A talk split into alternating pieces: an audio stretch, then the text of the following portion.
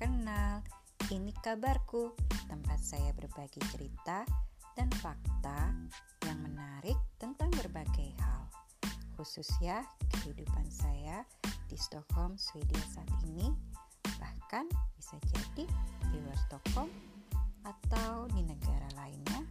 atau ketika saya sedang berlibur